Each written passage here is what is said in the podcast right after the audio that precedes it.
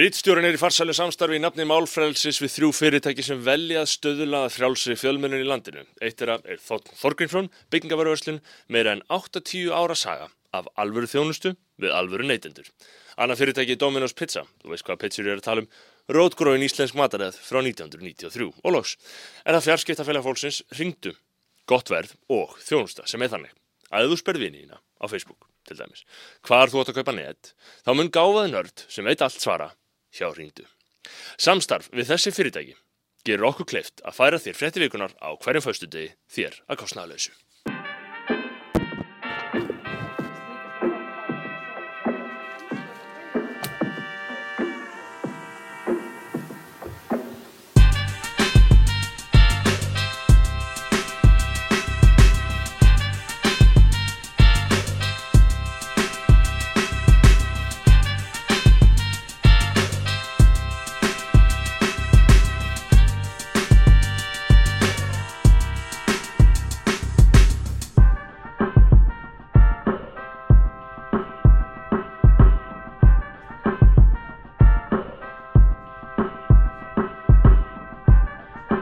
Komið sæl og verið velkomin í frétti vikuna með Snorra Másin í Rítstjóra.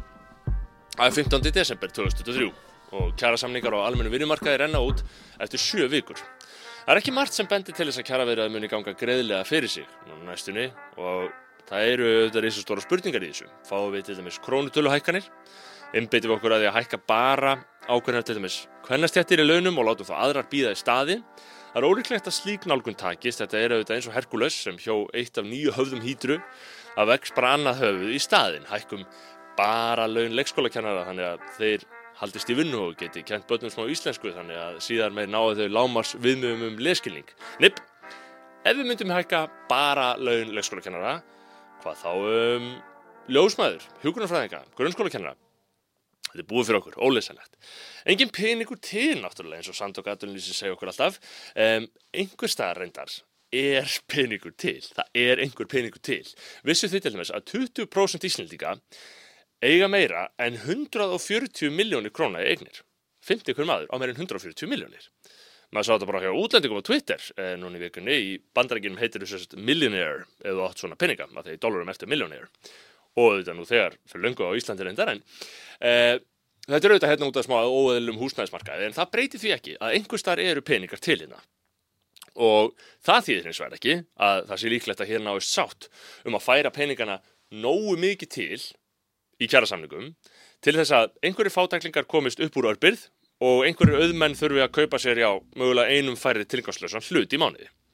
Nei, hérna næst líklega engin sátt um það. Eh, og hér næst í raun og veru í þessum málum næst eiginlega ekki sátt um neitt en núna er reyndar að nást sátt um eitt atrið og það er eiginlega fullkominn sátt og hún ríkir um það að vera á móti flugumfyrðastjórum. Þeir eru nú í verkfalli til þess að berjast fyrir bættum kjörum og meðalögn þeirra eru þegar 1,5 miljón á mánuði. Það hefur líklega verið farið í verkfall af meira tilefni en það. En Arnar Hjálmarsson, formaður félags íslenskar flugumfyrðastjóra, hann veit að, að þetta verkvall meika kannski ekki mikil sens fyrir fólki hann sagði við vísið ég held að almenningsálitið hafi aldrei verið með okkur. Hm. ætli það séu mögulega vegna þess að þið eru alltaf í verkvalli með eina hálfa millin á mánu já já það er alltaf spurning sem Arna getur spurt sig. Um, hónullvarna þá er hann að, aðeins að reyna bæta ástandi hann er farin að gera þessi sérst Arnar, þessi flugumfærastjóri, hann er farin að gera eins og ráþar að gera stundu þegar þeir eru búin að vera mjög óþækir þá mæta þeir svona í viðtali í svona svolítið köplóttri veiðiferðarleðri skýrtu undir jakkafötunum til að sína að þeir eru mennskir. Arnar Flugumfröðstjóri er að taka þetta skrefinu lengra og hann mæti með Jordan Dero í beina útsendingastöðu 2. Þetta er svona oft var þörfin nú er nöðsin dæmi. E, það stendur auðvitað í kjarnarsku veitur á vinnumarkaði, ef markam á kröfu fólks í flestum stjættum. En þá getum við allan að hugga okkur við það að við erum allan ekki að fara að rýfast um krónur og öyra marga áratvíði viðbót ef eh, vélmennin taka yfir. Eh, sjáu hérna starfkraft framtíðarinnar, ný kynnslóð af vélmenninu Tesla Optimus sem Tesla afhjúpaða með ykkur daginn.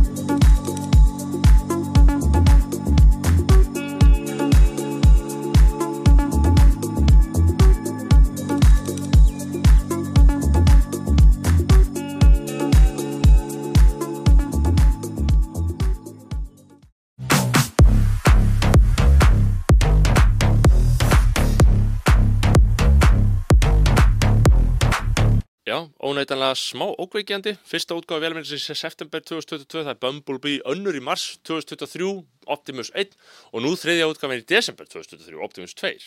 Hvert verður við komin eftir 5 ár?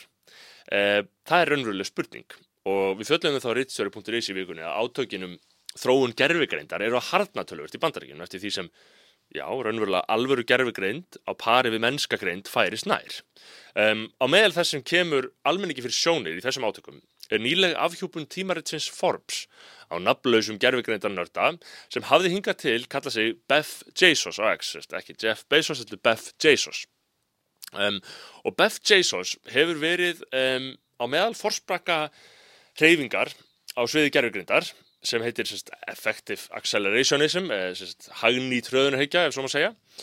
Og þessi hreyfing, þar er litið svo á að frumkvölar í gerfigreind eigi bara að gefa bensinnið í botn í þróun gerfugreindar. Án þess að hafa miklar ágjör af því hvaða hliðar afliðingar of hröð þróun gerfugreindar getur haft. Það er svona kjarni málsins og svo eru margir ángar í þessu og margir eru mjög á mótið þessari hugmyndafræði og vilja að stjórnvöld í rauninu veru hafi meira og minna fulla stjórn á þróunni eh, en það eru meitt menn á borði Beth Jesus sem tala mjög opinskátt og fá fólk með sér í að, í það, í það að, að, að stjórnvöld hafi ekki þessa stjórn á þessu.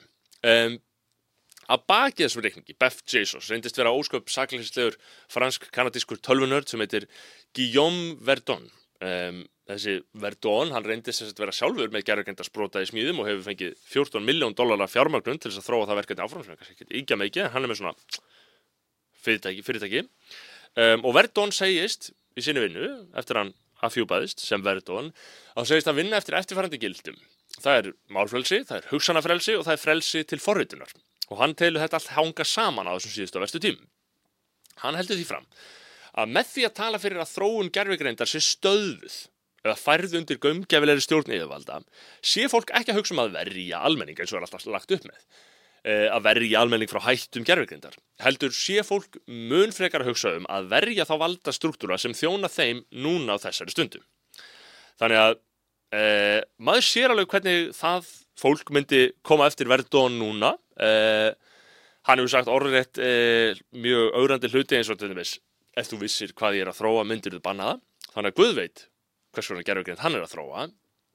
Uh, en það er alltaf ljóst að þetta eru mikil átök og þetta er í raun og veru allt spurning um mjög harða samkeppni og valdabartu en maður spyr sér auðvitað um leikreglunar hérna. Þú veist þarf þarf endilega að afhjúpa nafnlösa reikning með 50.000 fylgjendur bara vegna þess að upplýsingar varða að mati bladamanna Forbes, almenning. Uh, nægir það bara til að skera úr um það hver skal doksaður og hverjum skal hlýft af því að já, þetta, þetta kallaði að einsku að að doksa, að doksa er bara að, að afhjúpa hver einhver er sem er naflaus uh, og þetta er alltaf flóki mál, hér heima er þið lítið á það sem sko hálfgerðan umgenskap að vera naflaus á netinu. Um, en hver veit kannski rennur upp svo tíð að slikt fyrirkomulega reynist mjög mikilvægt í breyttu pólitísku andrúslofti. Þetta er auðvitað flókið samspil. Auðvitað eiga menn að vera ábyrgir orða sinna, en á sama tíma getur nafnlaust tjáning verið mjög nöðsynleg þegar menn er að segja sannleikan um mjög valdamiki fólk. Og á sama hátt líka getur í sögum tilvíkum verið tölvört réttlæti í því einmitt hennu gagsta að svifta aðilana blend og afhjúpa hver stendur á bakvið einhverju tiltegnar aðgerir hjá til þess stopninu með fyrirtækjum. Og stundum er þetta auðvitað erfið ákvörðun fyrir bladamenn og já, oft aktivista. Eh, eins og við stafum dæmi, hérna, dæmi um hérna, heima á Íslandi í vikunni. Feministki miðlinn kallmennskan eh, á Instagram hefur verið að berjast fyrir því að, að fá bóksýna um þriðju vaktina í sölu í verslunum Bónus, sem er auðvitað mikilvægur bóksölustafur. Bónus verðist eitthvað híkandi við að taka þriðju vaktina í sölu, að þeir verðist út af einhverjum praktískum atriðum um, ólösri markasetningu bókarinnar og einhverju slíkum sem eru samt ástæður sem Þorstein í kallmennskunni tekur ekki gildar. Mm, hann skrifur, skrifur einstakam. Bókinni var hafnað að þér virðist af fullkomlega hauglægum og tilfinningalegum ástæðum án málefnilegra ástæðana. Og það eru auðvitað verðu ábending hjá Þorsteini að þarna séu mögulega huglægar og ómálefnilegar ástæður að baki ákvörðunni hjá bónus. Og við verðum alltaf að taka það alvarlega þegar enga fyrirtækið, bónus, tekur órögstuta ákvörðin um að svoleis trafka á stjórnarskrárvörðum rétti Íslendinga til að selja sjálfsútgefið fræðsluöfni sitt í bónus. Þetta er alvarlegt mál Og í svona tilvikum er stundum eina úrræði aktivista að gerast rótækir og svifta hölunni af raunverulega gerandarum í málinu sem var í þessu tilviki engin önnur en Ester í bókaldstildinni. Ester í bókaldstildinni í bónus. Eða eins og Þorsteit kallar Ester, gatekeeper allra bóka í bónus. Hvert er eina úrræði manns gagvart slíkum gatekeeper, slíkum ómálandalögum hliðverði? Jú, auðvitað bara að afhjúpan. Að afhjúpa Ester og láta Ester finna fyrir því. Þorstein var neittur til að greipa til þessar aðs. Að hvetja alla 22.000 fylgjendu kallmennskunar Instagram til þess að senda endilega fyrirspurn á þennan skrifstofu starfsmann bónus í tölvupósti á netfang Esterar sem er byrt í þessari fæslu esteratbónus.is bara til að spyrjast fyrir um ástæður þess að bónus sé ekki að selja bók um þriðu vaktina. Engin óæðlu þrýstingur hér að siga 22.000 fylgjenda sinna beint á netfangi hjá Ester. Engin áreitni í því, nei, bara forrætniði, bara einföld spurning, fyrirspurning, af hverju Ester, af hverju verður þriðja vaktin ekki seldi í bónus? Ertu með einhvern málefnarlegan raukstunning? Sko þetta gerist í alvöru, það væri áhugast að, að skoða tölupóstinni að Ester hvort einhver hafi sendt fyrirspund af hverju Ester er ekki þriðja vaktin í bónus. Líka eins og sko fólk sem vill vera það eh, passiv-aggressiv að, að gefa köllunum í fjölskyldinu sinni þessa bók sem segir hát og skýrt, þú sökar og ég hata þig. eins og það fólk get ekki bara keipt hana beint af eh, þessum Instagram reyningi á kallmennskunni. Nei, bókin þarf að vera í bónus. Ester! Hún verður að vera í bónus. Þú maður fara Þú byrja, byrjaði reyndar á að senda Báratu Kvæður til Esterar sem er að lendi í sínu örgulega fyrsta og síðasta kanseli eh, og við ætlum að fara samt út úr, út úr þessu máli og yfir í annar mál. Nokkrar íslenskar lauruglukonur gerðu sér gladan dag í, í skoðanaferð og vinnuferð til Ásvits á dögunum. Er þetta sjá fyrir sér gladan dag þar en þeim tókst það, þessum lauruglukonum, með því að panta sér Kalkins fatafellir sér til samlætis eitt kvöldið. Eh, Lörglukonunar mynduðu þetta og deildu sína milli á samfélagsmiðlum og loks var því leikið til fjölmila að þetta hefði átt í stað. Rittsjón dæmir auðvitað ekki, hann hefur dagmarkaður upplýsingar um það hvernig þetta fór allt saman fram en sko það að taka mynd af strippara í vinnuferð hjá lauruglu og setja það snabbt er það ekki bara út af fyrir sig nægt dóngriðalesið til þess að vera reikin?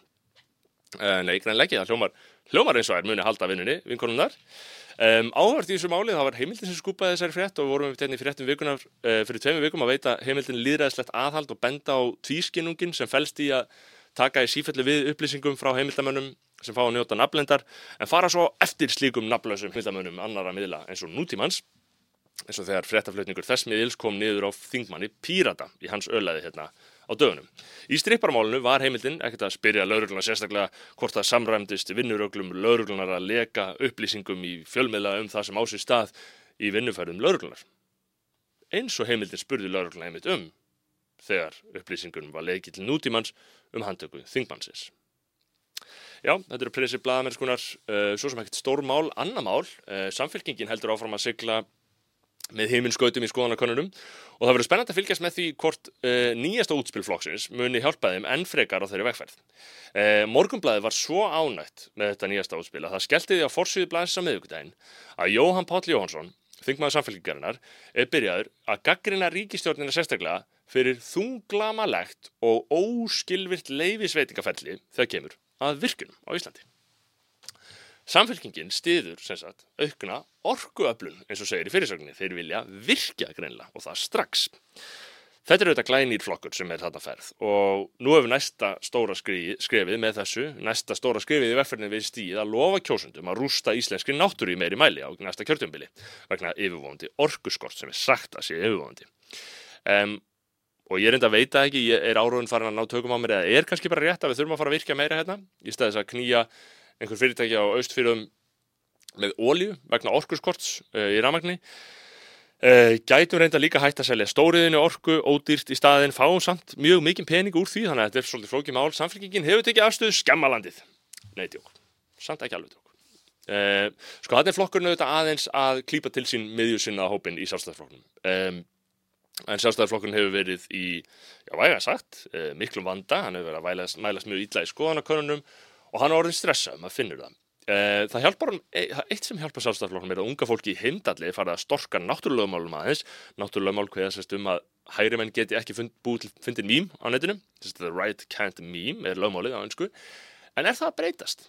Um, það kæmi ekkert á óvarsosum sko, það er náttúrulega þessi stóra almenna hægri sveifla og svo er íhaldsefni náttúrulega orðin nýja rótæknin þannig að út frá því eru heimdellingar orðnir rótæklingar þar með kannski konum með eitthvað vott af húmor um, að vísa heldur reyndar að, að heimdellingar séu margir og flestir hálgerir bara lippar sem getur allt eins verið viðreysn er eru þarna takkifæri sinnar.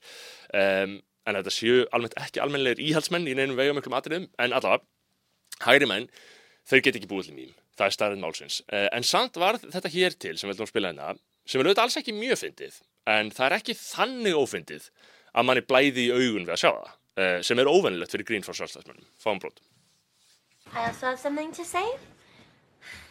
Ég á rétt á skattpenningi því að fólk kaupir ekki list mína sjálfi ljögt. I know this.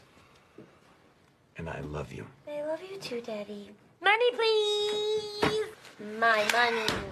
Já, money please um, eins og segi sko þetta er ekki mjög fyndið en þetta svona gengur upp að einhver leiti uh, þetta er að, kostu, að minnst að kosti mikil framför frá því bara í ágúst á þess ári þegar við fengum svona grín frá einhver sjálfstæðismannum Hæ, ég heiti Július Viggo, formaður heimdallar og mér langar að ræða við þig um fjármál Reykjavíkuborgar. Eins og flesti vita, þá er Reykjavíkuborg á kúpunni.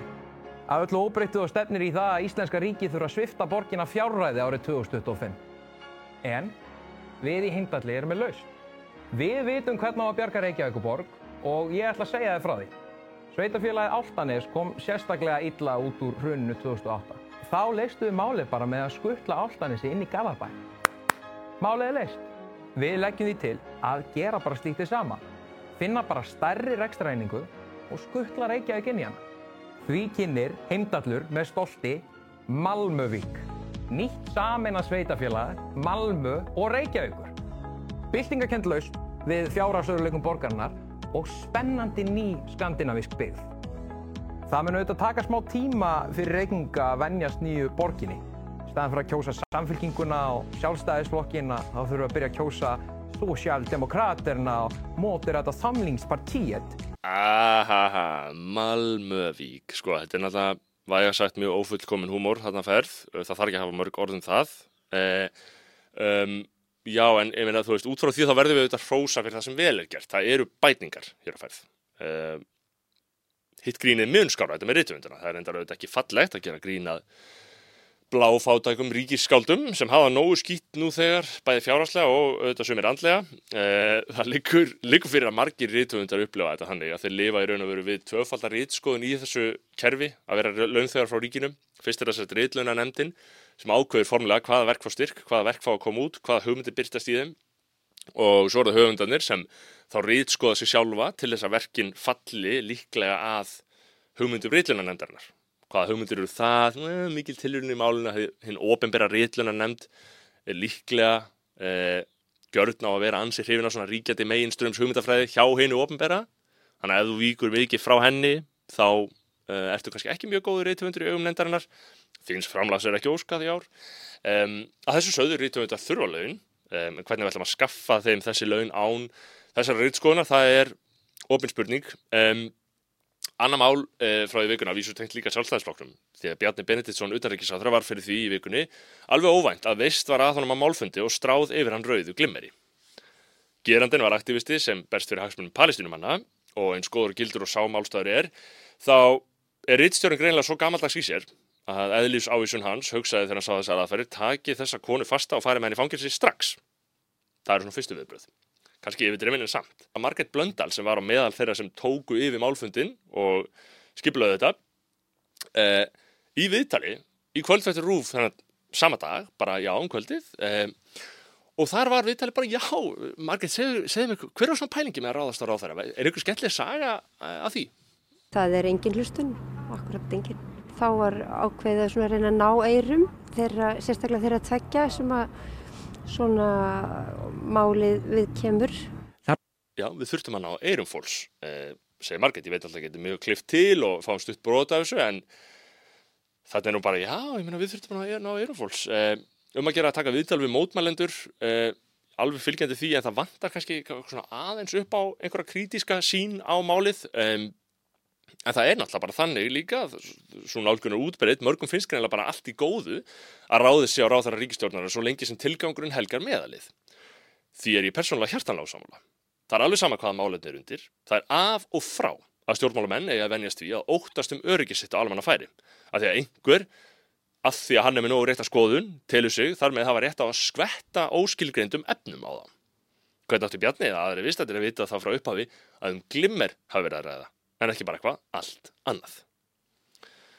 Og þaðan fyrir að verið annar mál, ekki kannski alveg heldur ódengt þessu að því að, að því að ef svona aðdeg til dæmis halda fram að koma upp þarf að auka augljóslega mjög örgisti í kringum ráðhverja ríkistjórnarinnar og við meðum ekki við því.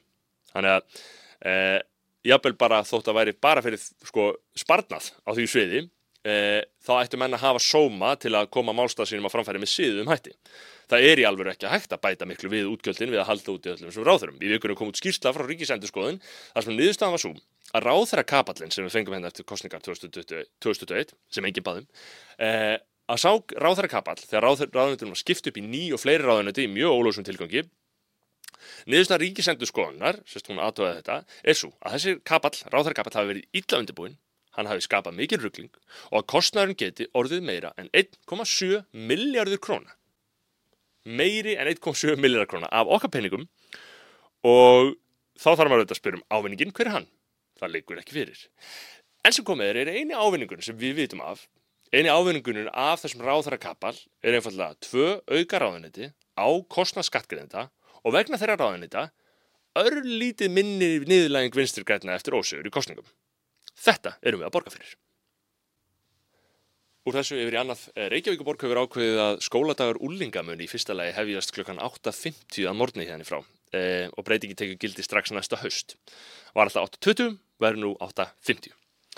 Þryggjára tilhjónaverkefni meðal annars til að sjá hvort að meiri svepp bæti andlega líðan unga fólksins sem er auðvitað ekki góð. Um, Þessar breytingar eru mikið högg eins og Margret Valdemarsdóttir afbrótafræðingur lýsir á X högg sérstaklega fyrir þá fóreldra sem hafa sagt börnum sínum hinga til að lausnin við því að maður sé ofþreyttur í skólum á mornana sé að fara fyrir að sofa. Skuldaði börnunum sínum þá afsökunarbenni, spyr Margret, sem hefur alltaf sagt börnunum sínum að axla sjálf ábyrg með þessum hætti að þegar nú er auðvitað að koma á daginn að þetta er ránt. Lausnin við þreytunni er ekki að fara fyrir að sofa, heldur bara að væla nógu mikið skoðanakönnunum yfir þreytu Það er til skólaöföld breyta öllu kerfið til að koma til mótsviði. Já, þetta er auðvitað fullnaðar siður unga fólksins. Nú er það auka hálftími á TikTok á hverju kvöldi að, ég veit ekki, skoða nýjan TikTok dans þessi sniður, ég ætla að taka það átt. Eh, Neini, börnin er auðvitað að gera ímsa uppgila hluti á TikTok eins og horra rítstjóran eh, á TikTok. Kommenta hvað hann er í fyrsta lagi ógíslegur og öðrulega heimskur. Það er kannski rétt, en hann er allan ekki auðmingi sem getur ekki farað að fæti. Neini, ég segi svona. Eh, það er löst, löst á þessu öllu að, að auðmingjavæðingin er rétt að byrja, uh, halda ykkur fast. Og ég er rétt að lókum. Uh, Allir Steinn Guðmundsson er einstæður maður, líklega með einstæðari nú lifandi Íslendingum, þú spyr mig. Þið hafið mögulega reykið augun í nafn hans við grunnsamlega vel stílaðar frettagreinar, engum um Norðurlöndin kannski á mbl.is og í morgunblæðinu, en annars mögulega reykist á hann í öðrum hlutverkum í gegnum tíðina. Allir Steinn á mjög ófyrirsjáanlega samsett lífslaup, hann var dýravörður, vakstarættamæður, djammari, tollvörður, starfsmæður á ólíuborðpalli, lagarstarfsmæður í kaffebrenslu og svo er hann ekki sjálf séð sjónum meðal útíkásmanna á torgum norsku smáborgarinnar Tönsberg þar sem hann er núna búsettur. Stundu tekar hann viðtöl við þessa sömu útíkásmenn, stundum er hann bara að spjalla. Einhvern veginn, eiginlega meðfram öllu þessu ruggli eh, hefur allir allan tíman verið einn nákvæmasti prófarkalesari landsins og einn allra rítfærasti bladamæður landsins.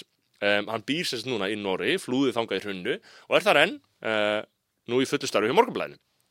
Hann er verkamæður orðsins eins og við kallum okkur stundu við allir. Við bræður, ég og Berþór Básson bróðum minn, tókum greina gott viðtal við alla steinir hlaðarpop okkar skoðanabræðurum á dögunum. Hann skrifar töluvert um glæpamál á Norðurlöndum, þannig vorum aðeins að spyrja hún til það, hérna er brota samtal okkar. Sko, svíjar eru kannski, hvað maður að segja, miklu heiðar í þessu, þær eru bara glæpagengi og þær eru náttúrulega, mm. -hmm. eru erlenda glæpagengi bara ná, sko, bara undirtökunum hreinlega í, í Stokkólmi, sírleitingar og, og, og, og fleiri, og alveg sem maður nefna sérstaklega þjóðurnu við þetta, en hérna, og þar er náttúrulega bara skotbarðar og sprengingar og það er svona verið að berjast um kannski, hvað maður að segja, eðlilegri hlutina, gesalappa, Noregur er allt hans eðlis afbrótalega séð. Já, og hefur ekki fengið þessa munaði litlu hérna snemma á nýjönda áratugum þegar Albanar uh, fór að móka heroin inn í Oslo Já. og gerði hana á, á stuttum tíma bara heroin höfuborg Evrópu. Einmitt. Það var bara spr sprautu fylgja faradur sem ennþá eru neymir eftir af. Heroin er alveg rísa stórt vandamál í, í Oslo. Áhugavert. Já, það er enda mjög aðtækksverð. Þetta voru innflytjendur frá Albaníu sem rauninni bara stóðu algjörlega bak við þetta. Já. Og hérna, svo náttúrulega auðvitað góma innflytjendur til allra landa, ég er hérna innflytjend, en norðmenn hafa svona, þeir hafa reist þessar skorður sem að svíjar virðast aldrei hafa reist, sko. Svíjar, svíjar letu, sko, fólk komast um að loka sig af inn í heilu hverfunum, blandast aldrei þjóðfélaginu, læra aldrei sænsku, fara aldrei að vinna, eh, bara, bara beint á bætur Já. og svo náttúrulega hefjast afbrot með þessara hópa sko og Já. það sem síðast í rauninni einskis voru miklu harðari en sko skandinaviski glæpamenn Já. en þetta einhvern veginn fór allir svona langt í, í, í hérna Norri, munaði litlu í Danmörku og er svona, er þeir eru svona svolítið á mörkunum líka við, Já. en svíjarnir hafa einhvern veginn alveg sko mistökin einhvern veginn á þessu sko Mjög aðteklisvert, svíja mistu tökinn, segir allir.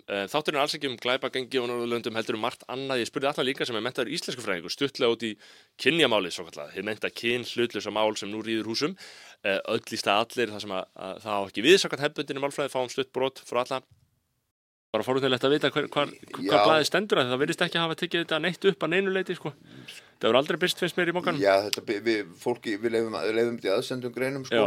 En hérna annars stöndum við bara við þá, þá reglu að hérna að karlkinn sé ómarkað kynni í Íslingu og, og að það sé einhver, einhvers konar hérna uh, að það sé hallað á, á hitt kynni sko, fyrst mér í rauninni ég er ekki sammála því algjörlega. Ef, ef að ómarkað kynni væri kvennkynni þetta er bara fínt, mér væri nákvæmlega saman Einmitt. Já, en, en já, maður vill, maður vill haldi þetta. Mér finnst það bara óskaplega hallæðist þetta en það öll velkomin, ég bara kemst ekki yfir það sko, hlumir fyrst það einu rétt það er bara, já, eins og, og Eiríkur Rökkvaldsson sagði, já, við- hann telur málþróun Já. sem, sem, er í rauninni, hún sé í rauninni sko, það sé þessi sem sagt lýsandi málfræði sem að, Já. hérna, já, já, það er, það er sjónamið, það vissulega, maður verður að byrja það, Já. en hérna, varandi þetta sérstaklega atrið, þá finnst mér þetta bara í rauninni sorglegt. Já.